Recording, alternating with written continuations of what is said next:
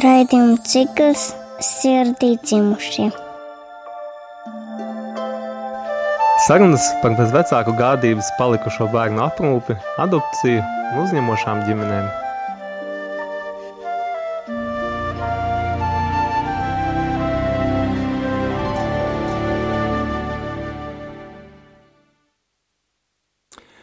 Labdien, cienījami klausītāji! Un uh, sestdienas vakarā atkal studijā ir raidījums Sirdī dzimušie. Uh, mēs turpināsim sarunas par bez vecā gādības palikušo bērnu aprūpi.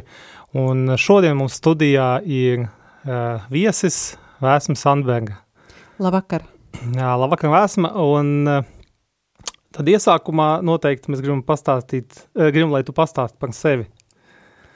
Kā jau Vadims teica, mani sauc Vēsma, un pirms uh, 14 gadiem mēs ar vīru savā ģimenē uzņēmām brīnišķīgu meiteni, adoptējām viņu, un ar to ir sācies arī mūsu adopcijas stāsts. Mans vīrs ir mācītājs, viņš kalpo baznīcā, es esmu mācītājs sieva, un paralēli es strādāju arī ģimeņa atbalsta centrā Tilts, galvenokārt, galvenokārt strādāja ar uzņemošajām ģimenēm, ar auģu ģimenēm, ar adoptētājiem un jebkuru cilvēku, kurš ir ieinteresēts uh, uzņemt savā ģimenē bērniņu. Vēl arī pirms uh, septiņiem gadiem mēs ar kolēģiem uh, uzsākām uh, Latvijas Kristīgo alianses bāriņiem un uh, Uh, Alianses bāriņiem viena no iniciatīvām ir, uh, ir uh, kustība bāriņa svētdiena, uh, kas ir uh, tāds īpašs pasākums, uh, kur tiek uzsvērta šī bāriņa tēma uh, Latvijas draudzēs. Tā kā tas uh, par mani īsumā. Man arī ir divi bioloģiskie bērni. Uh mhm. -huh. Tā tad uh, svarīgs, uh, svarīgs, ko es saklausīju, ka tev ir gan personiskā pieredze uh, bērnu uzņemšanā, gan arī, nu, teikt, profesionālā. Jā, tieši tā, tieši uh mhm. -huh. tā. Jā, uh, Varbūt tu, tu padalīsies ar mums ar savu personisko pieredzi, kā tas ir noticis. Jo man liekas, ka pēc tam, kad mēs iepriekšējā raidījumā aizskārām tādu tā vis, vispārīgu to tēmu, un tagad uzzināt vairāk par to, kā šis process notiek, kā bērniņš ienāk, tas, manuprāt, klausītājiem būtu ļoti interesanti. Nu, tagad strādājot ģimeņa atbalsta centrā, es zinu, ka uh, sistēma ir ļoti sakārtota, tas, kā bērni ienāk ģimenē, tomēr ir diezgan paredzami.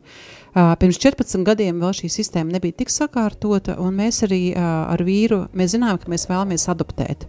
Bet mēs nezinājām procesu. Un, būtībā tas, kā mums tas notika, ka mums piezvanīja no bērnam, pazīstama sieviete, teica, mums bērnam var ievietot meitenīti, kurai nebūtu šeit jābūt, vai jūs būtu gatavi viņu uzņemt ģimenē. Un, nu, principā mēs to procesu sākām pilnīgi atšķirīgi. Bet nu, dievam ir savi plāni, bērns nonāca pie mums un, un Tagad ir tiešām brīnišķīga jauna meitene, kur ir uzaugusi mūsu ģimenē.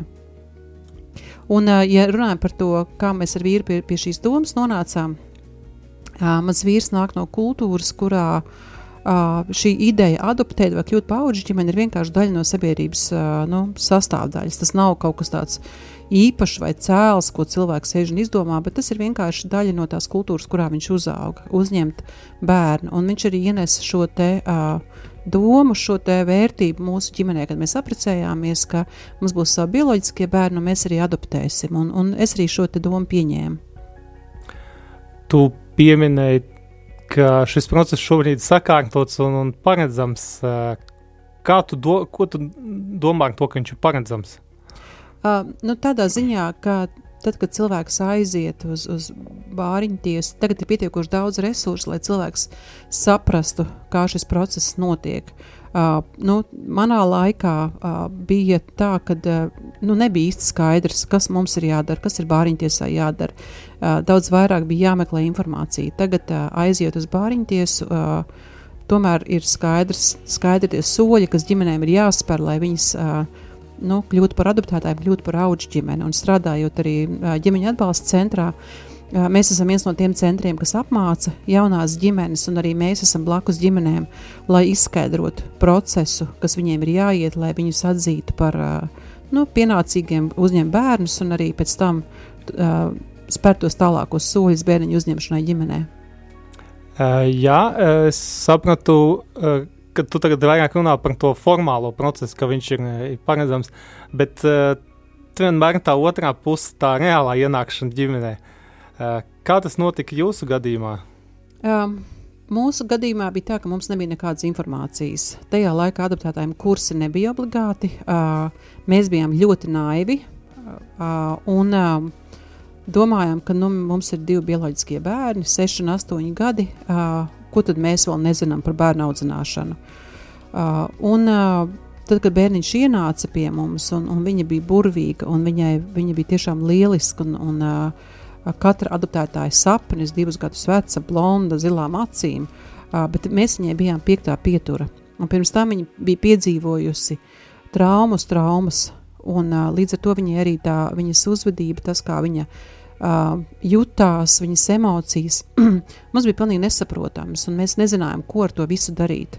Un pirmo gadu uh, mums likās, ka mēs visu darām nepareizi. Un patiesībā pēc gada, kad mēs sākām meklēt literatūru un atbalstu ārzemēs, tad mēs sapratām, ka mēs arī darām visu nepareizi. Ka mēs neņemam vērā to, kas ar bērnu ir noticis. Mēs domājam, re, viņš tagad ir mūsu jaukajā kristīgajā ģimenē, un, un uh, ar milzīgu mīlestību mēs uh, viņai palīdzēsim.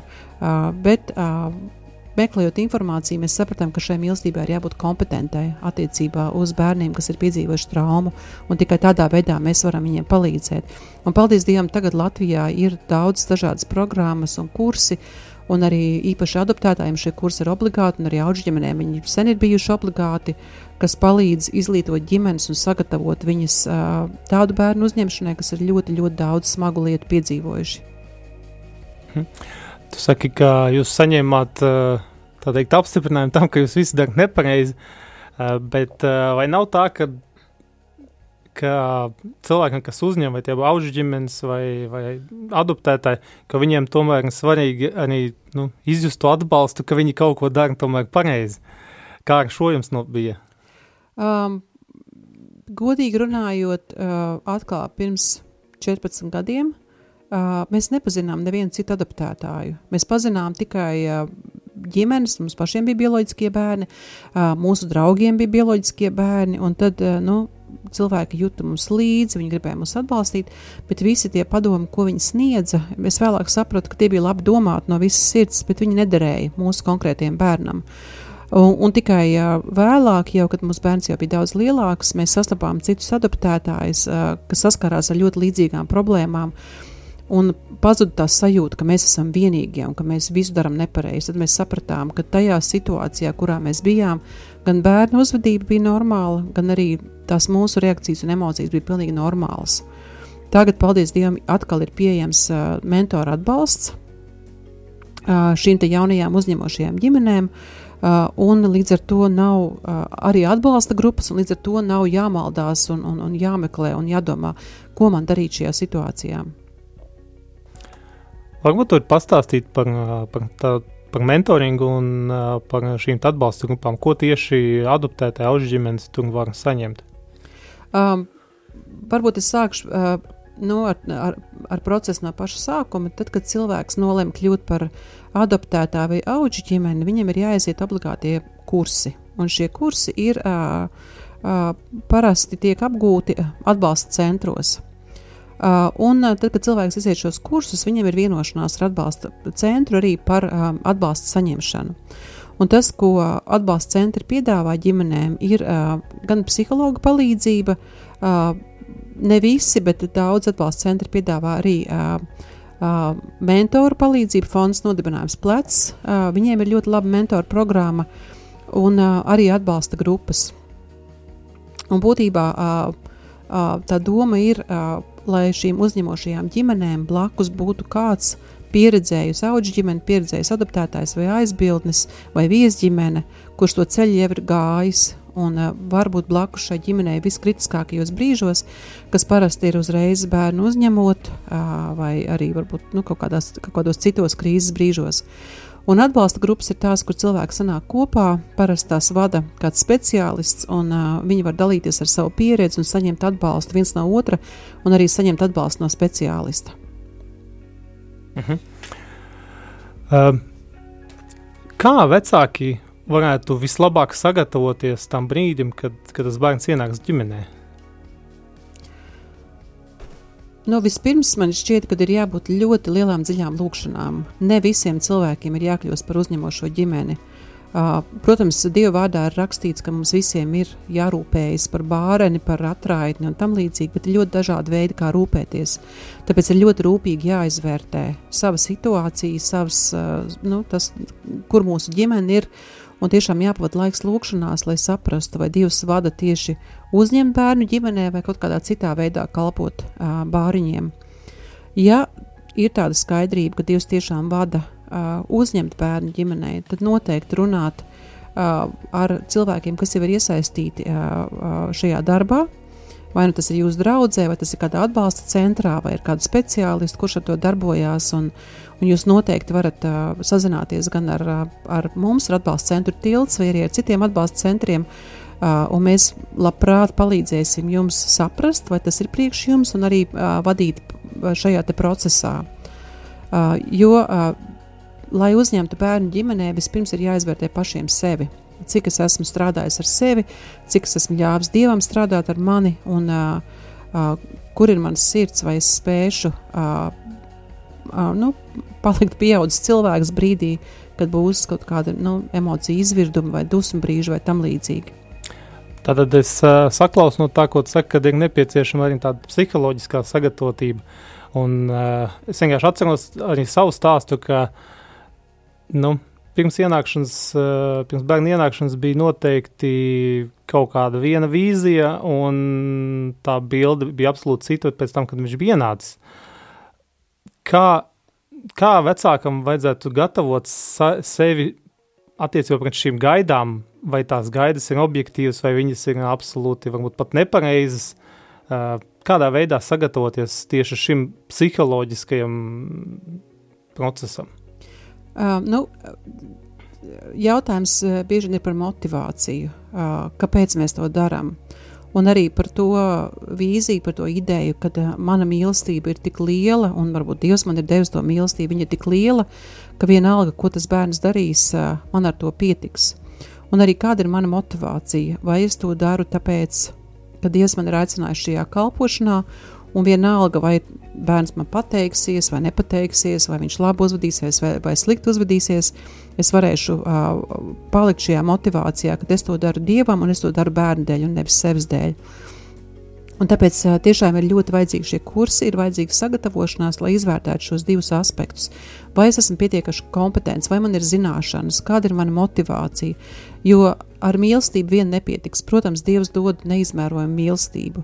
Bet, ja mēs neesam sagatavoti tām uzvedības izpausmēm vai nu, tam, ko bērns dara, tāpēc, ka viņš ir piedzīvojis ļoti dziļu traumatisku pieredzi, ja mēs nevarēsim viņam palīdzēt tajā, tāpēc, ka mums nebūs informācijas, mēs izdegsim šajā darbā. Un tāpēc ir svarīgi, ļoti, ļoti svarīgi sagatavot gan sevi, vai nu runāt ar savu garīdznieku, varbūt arī iet pie kāda speciālista, pārunāt varbūt savu dzīvi, savu bērnību, savu pieredzi, kādas bija manas attiecības ar vecākiem, ar ko es cīnos. Jo bērns ar traumu, kurš ienāk ģimenē, viņš izceļ visas mūsu traumas. Trauma piesaista traumu. Un, tad, kad bērns ienāk ģimenē, tad es biju varbūt tāds ļoti dievbijīgs un, un, un garīgs cilvēks, un piepiešies un pārvērties par, ko, par kaut ko tādu, nu, kurus vispār sevi nepazīstu. Un gribas, protams, tajā brīdī vainot bērnu, gribas vainot bērnu gēnus un visu kaut ko, bet faktiski tas ir veids, kā, kā Kristus uh, parāda mums, kas vēl mūsos pietrūkst, ko viņš vēl grib mainīt. Un ļauties arī šim darbam, nevainot bērnu. Uh, nu, man ir tāds teiciens mīļš, ka, um, ja tu gribi patiešām saprast, kāpēc Kristus par tevi ir nomiris, tev ir jāadoptē bērns. Jā, paldies, Vēsmu. Tagad mums ir pirms muzikālās pauzes es gribētu vēl aicināt klausītājus, ja jums ir jautājumi, uzdot to sūtot, sūtot īsiņu uz, jums uz radio eteru. Un arī iespējams, ja kāds vēlās padalīties ar savu stāstu, ar savu pieredzi attiecībā uz adopciju, par savām domām, arī droši rakstiet uz uh, numuru 266 77 272.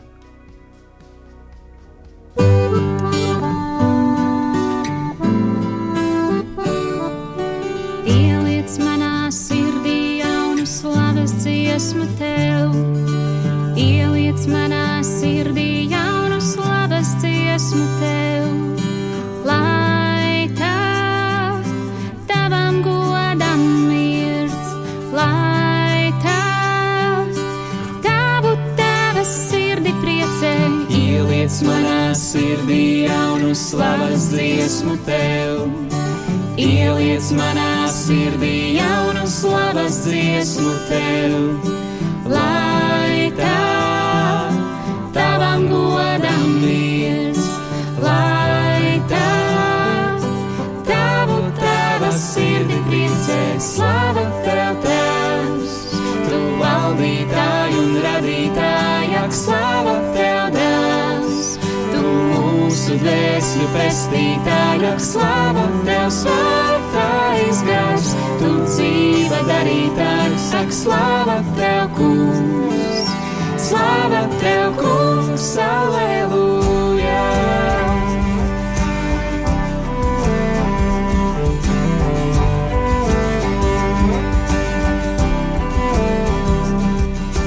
Iededz manā sirdī dzīvu ticības liesmu kungs.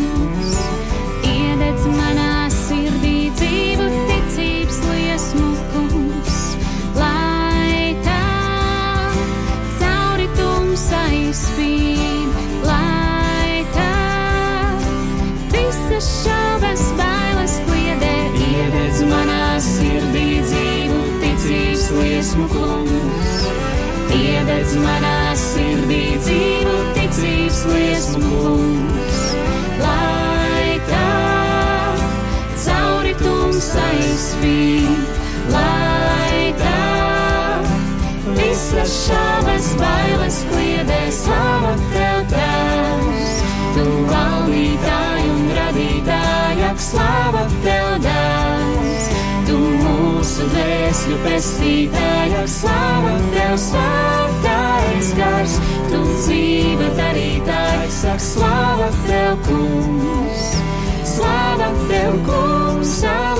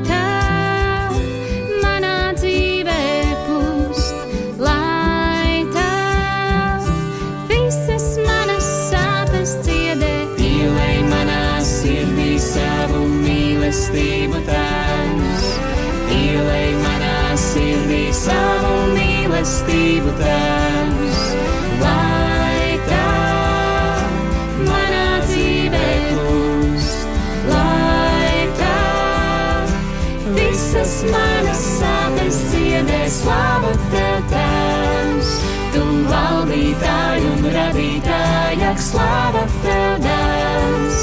Tu mūsu dvēsļu pestītāji, ak slava tev, svētais gars.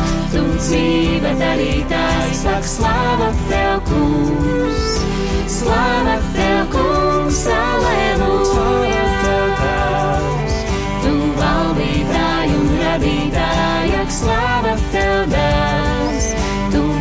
mūsu dvēsļu pestītāji, ak slava tev, svētais gars. Tu dzīve darītājs, ak slava tev, kungs.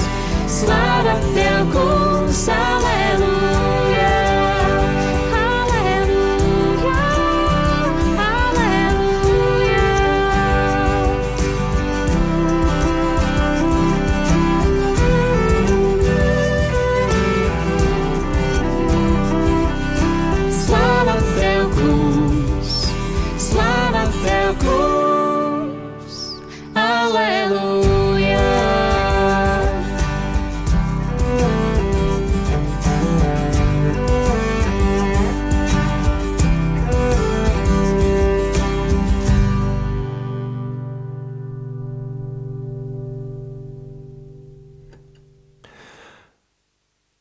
Mēs turpinām raidījumu sirdī dzimušie, un pie mums ā, studijā joprojām viesis Vēsmas Sandberga.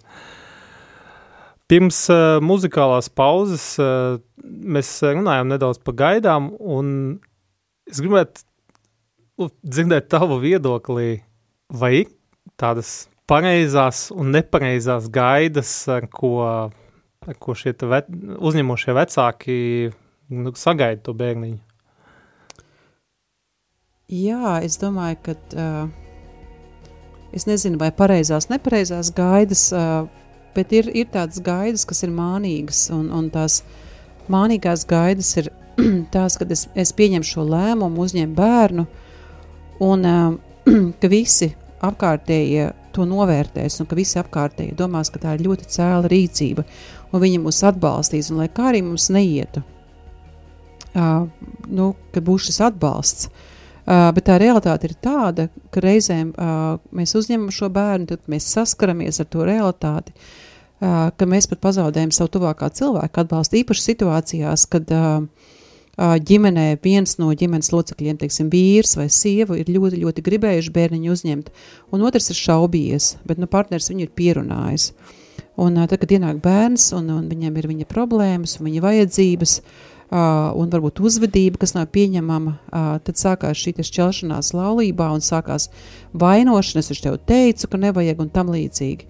Un līdzīgi arī ir ar draugiem un ar, ar romītēm, opīšiem un, un paplašināto ģimeni, ka mēs jau šo bērnu sākam pieņemt, un, protams, ka viņš ir daļa no mūsu ģimenes, mēs viņu gribam vest uz ģimeņu tur visādiem pasākumiem un tam līdzīgi, un, un tad saskaramies ar to, ko Oma pasaka, nu, nu paši brauciet, bet tam bērnam atstāja, atrodiet auklu, tomēr es nevaru šito izturēt. Vai arī pamanāt, ka draugi ar vien mazāk un mazāk sāk jūs aicināt uz kaut kādām pasākumiem, kur nu kādreiz jūs vienmēr aicinājāt, un piepeši jūs redzat, ka nav, neaicina. Un, um, un uh, patiesībā nu, šie cilvēki nav parakstījušies uz šo soli.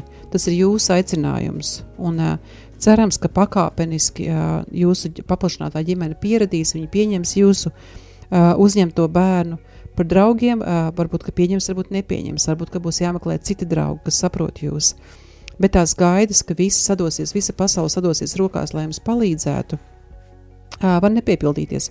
Reizēm piepildīsies, reizēm arī no draudzes mēs sagaidām no mācītāja, ka, ka viņi mūs atbalstīs, un arī, arī viņi ir tikai cilvēki, arī viņiem varbūt reizēm nav informācija, viņi redz tikai mūsu bērnu uzvedību, viņi nesaprot, kāpēc mūsu bērns tā uzvedas, un viņi novēršas un varbūt pat nosoda uh, to, kā mūsu bērns uzvedās. Un tāpēc ir jārēķinās, ja mēs to darām, tad pareizās gaidas ir, ka Dievs man uz šo te ir aicinājis. Es darīšu visu, lai mācītos, lai saprastu, kas ar šo bērnu ir noticis, uh, bet es nesagaidu uh, pirmkārt, ka bērns man dos kaut ko pretī, vai, pate vai būs pateicīgs, vai vēl nezinu ko.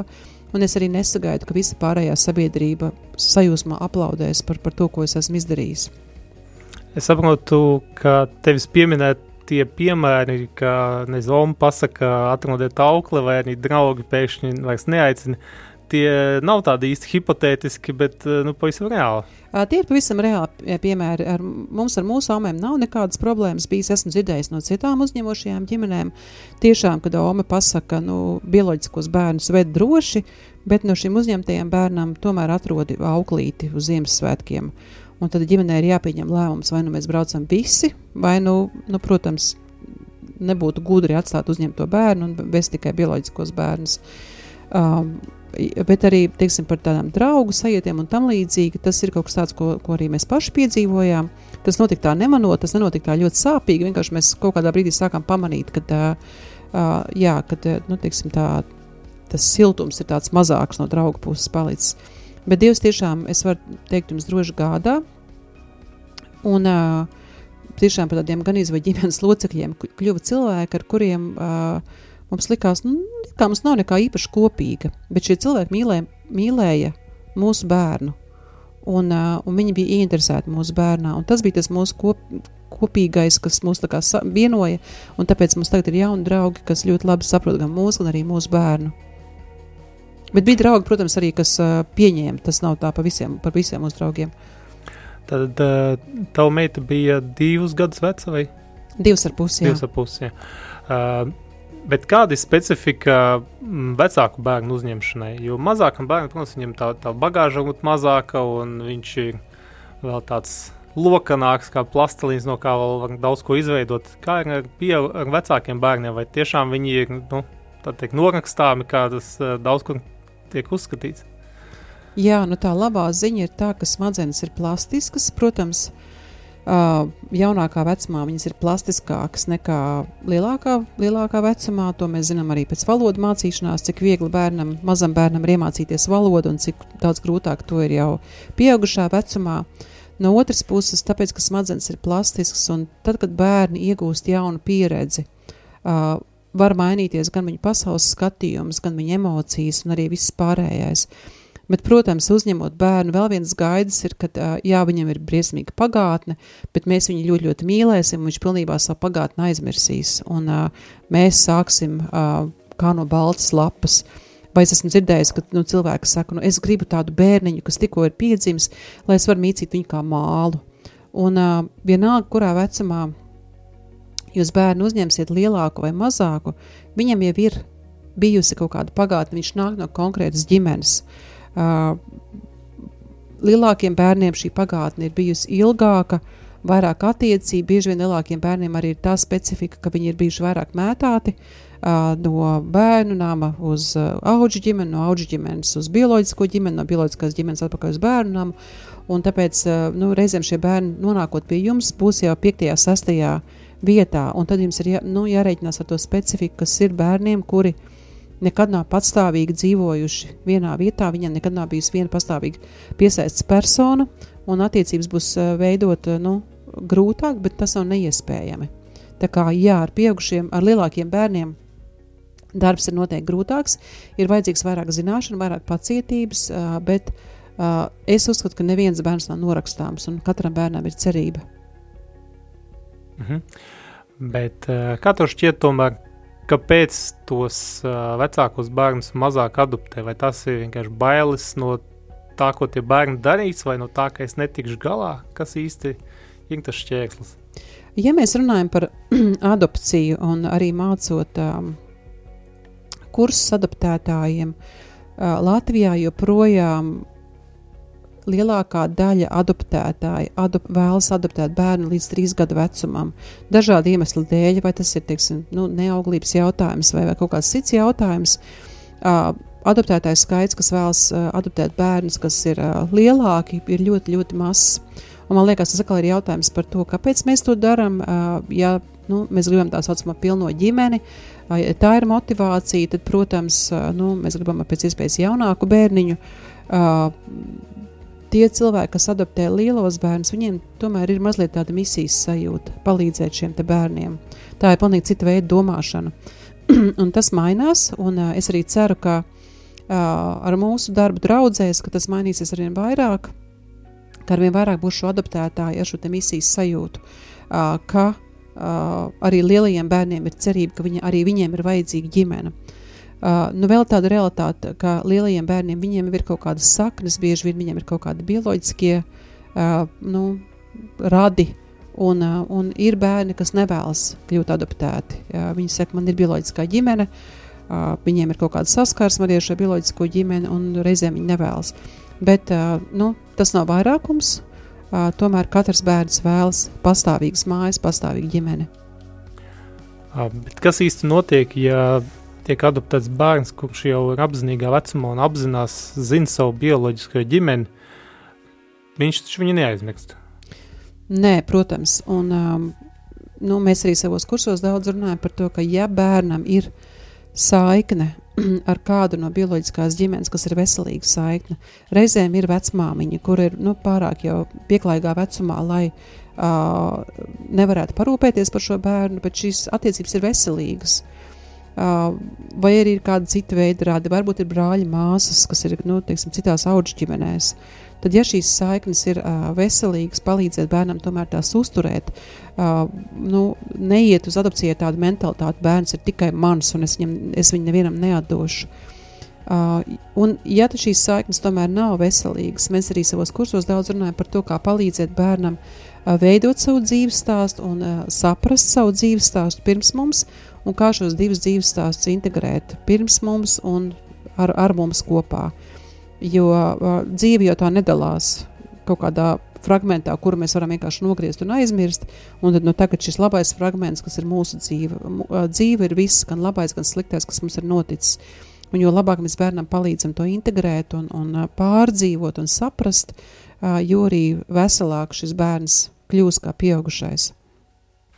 Jā, tātad no taviem vārdiem es saprotu, ka uzņemot bērnu jāgatavojas ne tikai viņa uzņemšanai ģimenē, bet arī viņa, viņa bioloģiskās ģimenes uzņemšanai ģimenē. Uh, savā ziņā, jā, vai tas notiks uh, nu, fiziski, varbūt ka nekad jūs nesatiksiet šo bioloģisko ģimeni, bet jums būs informācija. Un, uh, tāpēc es ļoti uzsveru, ka nekad nevajag no bērna slēpt adopcijas faktu, jo tā ir vēl viena trauma. Uh, bērnam saudzīgā veidā ir jāizstāsta, ka viņš ir adoptēts, un pakāpeniski arī ir jāpastāsta viņa ģimenes vēsture. Nu, ir teorijas, kas saka, līdz 12 gadiem bērnam vajadzētu zināt visu par sevi, to, ko, to, ko jūs zinat.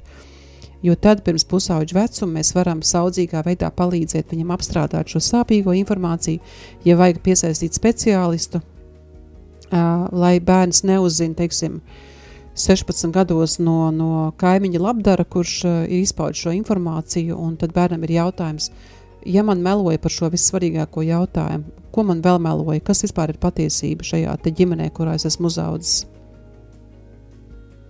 Mm, jā, šis, eh, šis jautājums par adopcijas noslēpumu varbūt nav īsti šīs, sarun, šīs sarunas mērķis, bet uh, no tevis es dzirdu, ka obligāti būtu viss bērnam jāzina, jāapzinās par to, no kurienes viņš nāk un kāpēc. Jā, tieši tā. Un, protams, nu, divgadniekam mēs stāstīsim citu informāciju nekā 16 gadniekam, bet pakāpeniski šo stāstu bērnam atklāt. Ja ir vēlme, ja nav informācijas, kā to darīt, tad atkal ir speciālists, kas var palīdzēt jums spērt šos soļus, kā bērnam šo informāciju atklāt. Bet jo vairāk mēs normalizējam to, ka bērns ir adoptēts, ka tas nav kaut kāds kauns, ko mēs slēpjam no visiem, bet tas ir gods patiesībā. Un, ka bērni, kā jau šī raidījuma nosaukums ir, ka daži bērni piedzimst bioloģiski, un daži piedzimst mums sirdī, un bērni ģimenēs var ienākt dažādi.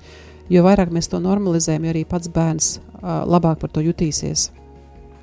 Jā, es varbūt arī, arī padalīšos. Mums, mēs šo informāciju uzreiz, tā teikt, gā- gāzām virsū, bet tādā maigā veidā, ka, kad mūsu dēls ienāca mūsu ģimenē, mēs viņam ik pa laikam atkārtojām, ka dēliņi, mēs esam ļoti priecīgi, ka mēs tevi paņēmām, uzņēmām mūsu ģimenē. Un tādā veidā mēs izrādījām viņam mīlestību un tajā pašā laikā parādījām to īpašo veidu, kā viņš ir ienācis. Uh, jā, turpini, ja jums ir jautājumi, tad uh, droši sūtiet viņus uh, uz radio ēteru uz numuru 266 77 272. Tagad uh, muzikālā pauze.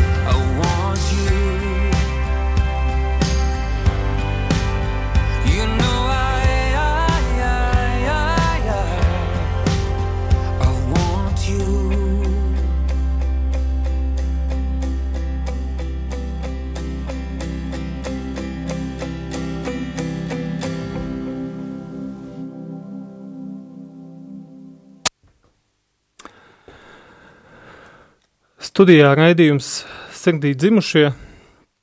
Mums raidījumā viesis joprojām ir Vēsma Sandberga, un šajā raidījumā mēs runājam par ienākšanu ģimenē, par to, kā adoptētais bērns ienāk ģimenē. Vēsma, es gribētu varbūt tev nedaudz pajautāt tādu tēmu, kā kas īsti notiek, ja ja ģimene nav pienācīgi sagatavojusies. Jo es esmu dzirdējis par gadījumiem, kad bērni tiek atgriezti. Tiek atgriezti tie institūcijā vai auģu ģimenē. Uh, varbūt to var nokomentēt, cik tas ir bieži un kas varbūt tie galvenie iemesli, vai tas ir dēļ tā, ka cilvēki nav gatavi, vai viņi pārmetē savas spējas, kas, kas ir tie iemesli. Uh, tie iemesli var būt dažādi. Jā, uh, tiesa, tā kā tu saki, uh, uh, tā ir, ka bērni tiek atgriezti. Uh, es nevarēšu pateikt konkrēts procentus. Uh, cik es saprotu, nākamā raidījuma viesis būs mans kolēģis Kaspars Brūss. Viņš ir veicis pētījumu par to, kā uh, arī konkrētāk informāciju viņš varēs pastāstīt. Bet uh, tie iemesli ir ļoti, ļoti dažādi. Viens no tiem ir uh, tas, uh, ka ģimene nav izvērtējusi savu, savus resursus. Uh, uh, nav pienācīgi sagatavojusies, uh, ir gaidījusi pilnīgi kaut ko citu. Uh, reizēm, diemžēl, uh, ģimenē tiešām nav pieticis informācijas.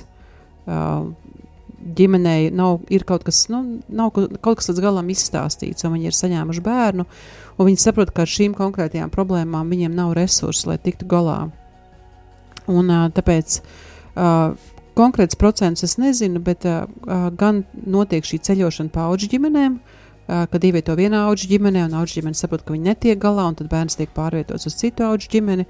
Uh, un arī uh, adaptētājiem uh, ir tā, ka pirmos sešus mēnešus ir tas saucamais pirmsadopcijas periods, kad ģimene var nu, pieņemt to galējo lēmumu, vai viņa bērnu paturēs, vai tomēr nē. Un, diemžēl ir ģimenes, kuras saprot, ka viņas, viņas to nespēs. Reizēm pati ģimene jūg laukā pa vīlēm, reizēm bioloģiskie bērni nu, ir ļoti traumatizēti, un, vai arī ir kaut kādi citi iemesli. Bet, protams, bērniem, kas ir ievietoti ģimenēs, katra šī pārvietošana ir jauna trauma. Un, Tāpēc es ļoti mudinu ģimenes izvērtēt savus resursus, mācīties, mācīties, mācīties, runāt ar citām ģimenēm, īpaši adaptētājiem. Es gribu teikt, nedariet lūdzu to vieni. Jums tas nav jādara vieniem. Esiet atklāti par savām problēmām, par savām šaubām, arī bērnam ienākot, jo, diemžēl, mums ir tāda kultūras lieta, ka tā, nu, ģimenes lietas mēs turam ģimenē, un liekas, ka viss no ārpuses izskatās ļoti labi, līdz tam brīdim, kad ģimene atdod bērnu saka, viss es vairs nevaru. Un līdz tam nevienam nav bijis jausmas, ka ģimenē tiešām ir tik liels problēmas. Tāpēc uh, arī adopcija ir pilnīgi cits gadsimts. Tagad tas vairs nav kaut kāds kauns vai noslēpums. Uh, tā ir goda lieta, tas ir darbs, ko jūs darat, un tas nebūtu nav jādara vieniem pašiem. Jā, varbūt tu vari nedaudz konkretizēt kādu, nezinu, piemēru, jo tas izklausās, nu, netiek galā. Citreiz jau arī ar bioloģiskiem bērniem liekas, ka netiek galā, ka viņš man te lec pa galvu, pa kaklu un, un, un visu gāžu riņķī, bet uh, ko, ko īsti nozīmē netikt galā ar adoptētu bērnu? Um, nu, konkrēts piemērs, kas nāk prātā, ir eh, ģimene, kas uzņēma divus puisīšus. Viņiem tika sniegta uh, nu, kaut kāda informācija par zēniem, uh, bet uh, nu, netika sniegta visa informācija. Un uzņemot bērnus, uh, izrādījās, ka viņiem ir ārkārtīgi tādas nopietnas medicīniskas problēmas, kas arī iepriekšējā audžģimenē nebija risinātas. Viņiem bija psiholoģiskas problēmas, uh, ģimenē bija kaut kāds tāds, nu, veids, kā viņi dzīvoja, un šie bērni absolūti nekādā veidā neiederējās. Um, nu, teiksim, viņi bija ļoti aktīvi, cilvēki, sportiski. Uh, izrādījās, ka bērniem ir tādas veselības problēmas, ka nu, viņiem diezgan daudz būs laika jāpavada pie mājas un mierā. Uh, un uh, arī bija dažādas tādas uzvedības problēmas, jo bērniem bija ārkārtīgi liela trauksme, ka viņi tika pārvietoti. Un, uh, diemžēl šī ģimene pieņēma lēmumu par spīti arī visai palīdzībai un atbalstam, ka tomēr viņi ar šiem, ar, ar šiem zēniem galā netiks. Mhm. Tā tad uh, pirms, pirms uh, bērnu ienākšanas, uh, es saprotu, ģimenes saņem, saņem kaut kādu aprakstu, bet var gadīties uh, arī tāds reizes, ka viņš ir nepilnīgs. Ja? Jā, diemžēl šie apraksti var būt uz daudzām lapām, ļoti smalki, kā bija mūsu gadījumā.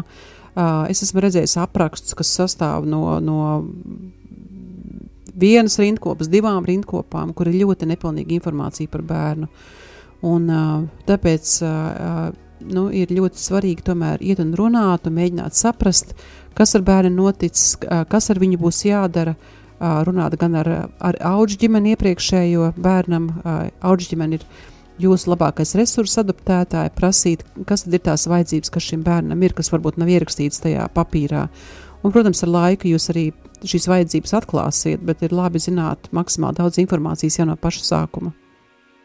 Kas ir galvenā bērnu vajadzība?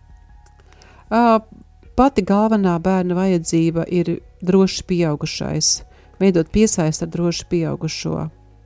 Un tas ir tas, kas uh, visticamāk tiem bērniem, kas nāk no, nu, saka, no sistēmas, vai tā auga ģimene, vai, vai bērnam, tas jau laikam tas, kas viņiem pietrūkst. Un tieši tā, ja bērns ir uh, audzis sistēmā īpaši, kur uh, audzinātais auklītis uh, arī darot labāko, ko viņas var, tas ir mājiņu darbs. Līdz ar to viņiem šīs personas, personāls mainās visu laiku.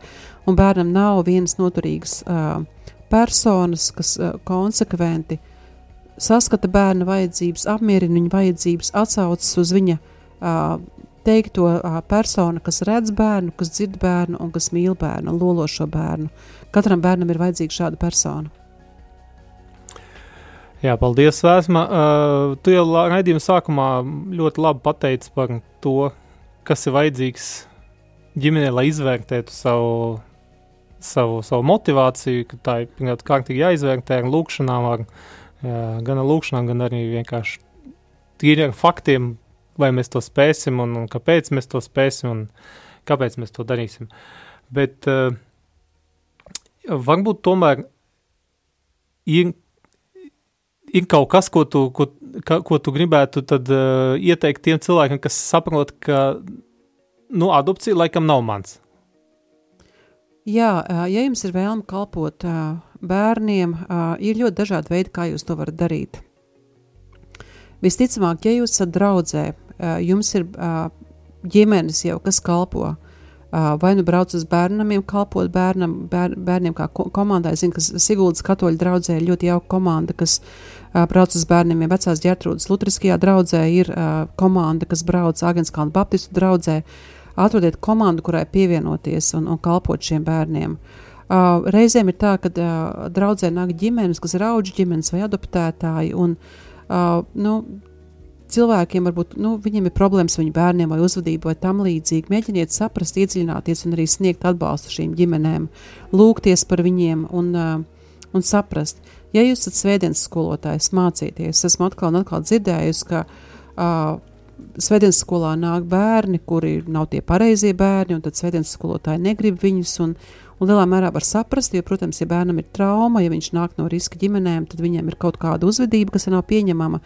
Bet to visu var risināt ar uh, izglītību, un mēs arī piedāvājam kursus tieši svētdienas skolotājiem, vienas dienas kursus, uh, kā palīdzēt šiem bērniem integrēties svētdienas skolas grupās. Jā, paldies vēsmā. Mums uh, raidījuma nobeigumā ir atnācis arī viens jautājums. Kāpēc vecāki slēpj adopcijas faktu un kā būtu, ja adoptētāja ģimene nav gatava veidot kontaktu starp bioloģisko ģimeni un bērnu? Adopcijas faktu slēpj ļoti dažādu iemeslu dēļ. Tas var būt kauns, varbūt tur ir bijusi neauglība, un, un cilvēki uzskata, ka tas varbūt ir kaut, ir kaut kāda stigma saistīta, un tāpēc viņi negrib atklāt šo faktu. Varbūt viņi uzskata, ka bērnam tā būs trauma, ja viņš uzzinās. Un kāda būtu tā jautājuma daļa? Piedod. Kā būtu, ja adoptētāja ģimene nav gatava veidot kontaktu starp bioloģisko ģimeni un bērnu? Uh, ja bērnam jau ir attiecības ar bioloģisko ģimeni, ja bērns ir vecāks, lielāks, tad droši vien tas nebūtu īstais bērns, ko jums adoptēt. Jo nogriezt viņam attiecības ar bioloģisko ģimeni, ar kuru viņam ir attiecības, būtu ļoti nežēlīgi un traumatiski bērnam. Ja bērniņš ir ienācis ģimenē un viņam nav šo attiecību, tāpat būtu svarīgi saprast bērnu dzīves stāstu. Varbūt, ka sākumā arī nav nekādas vajadzības ar šo bioloģisko ģimeni tikties, bet uh, jums ir jāatzīst, ka bērnam ir šī ģimene. Un, uh, tās ir viņas saknes, un uh, kaut kad bērns iespējams gribēs ar šo ģimeni tikties un vienkārši būt blakus bērnam, ja viņš šādu uh, vēlmu pauž. Šis bērns nav jūsu bērns. Šis bērns ir piedzimis citā ģimenē, un šī ģimene viņam ir ļoti reāla. Paldies, Vēsma. Līdz to raidījums, raidījums ir izskanējis. Un uh, nākamajā raidījumā mums ciemos būs Kaspars Prūs, uh, kas uh, varbūt pastāstīs arī par citiem uh, bērnu uzņemšanas veidiem. Uh, turpiniet sūtīt mums savus jautājumus, uh, mēs viņus atbildēsim nākamajos raidījumos novēl jums jauku vakaru un Dieva svētību. Dieva svētība jums! Raidījuma cikls sirdī dzimušie. Sarunas par bezvecāku gādības palikušo bērnu aprūpi, adopciju un uzņemošām ģimenēm.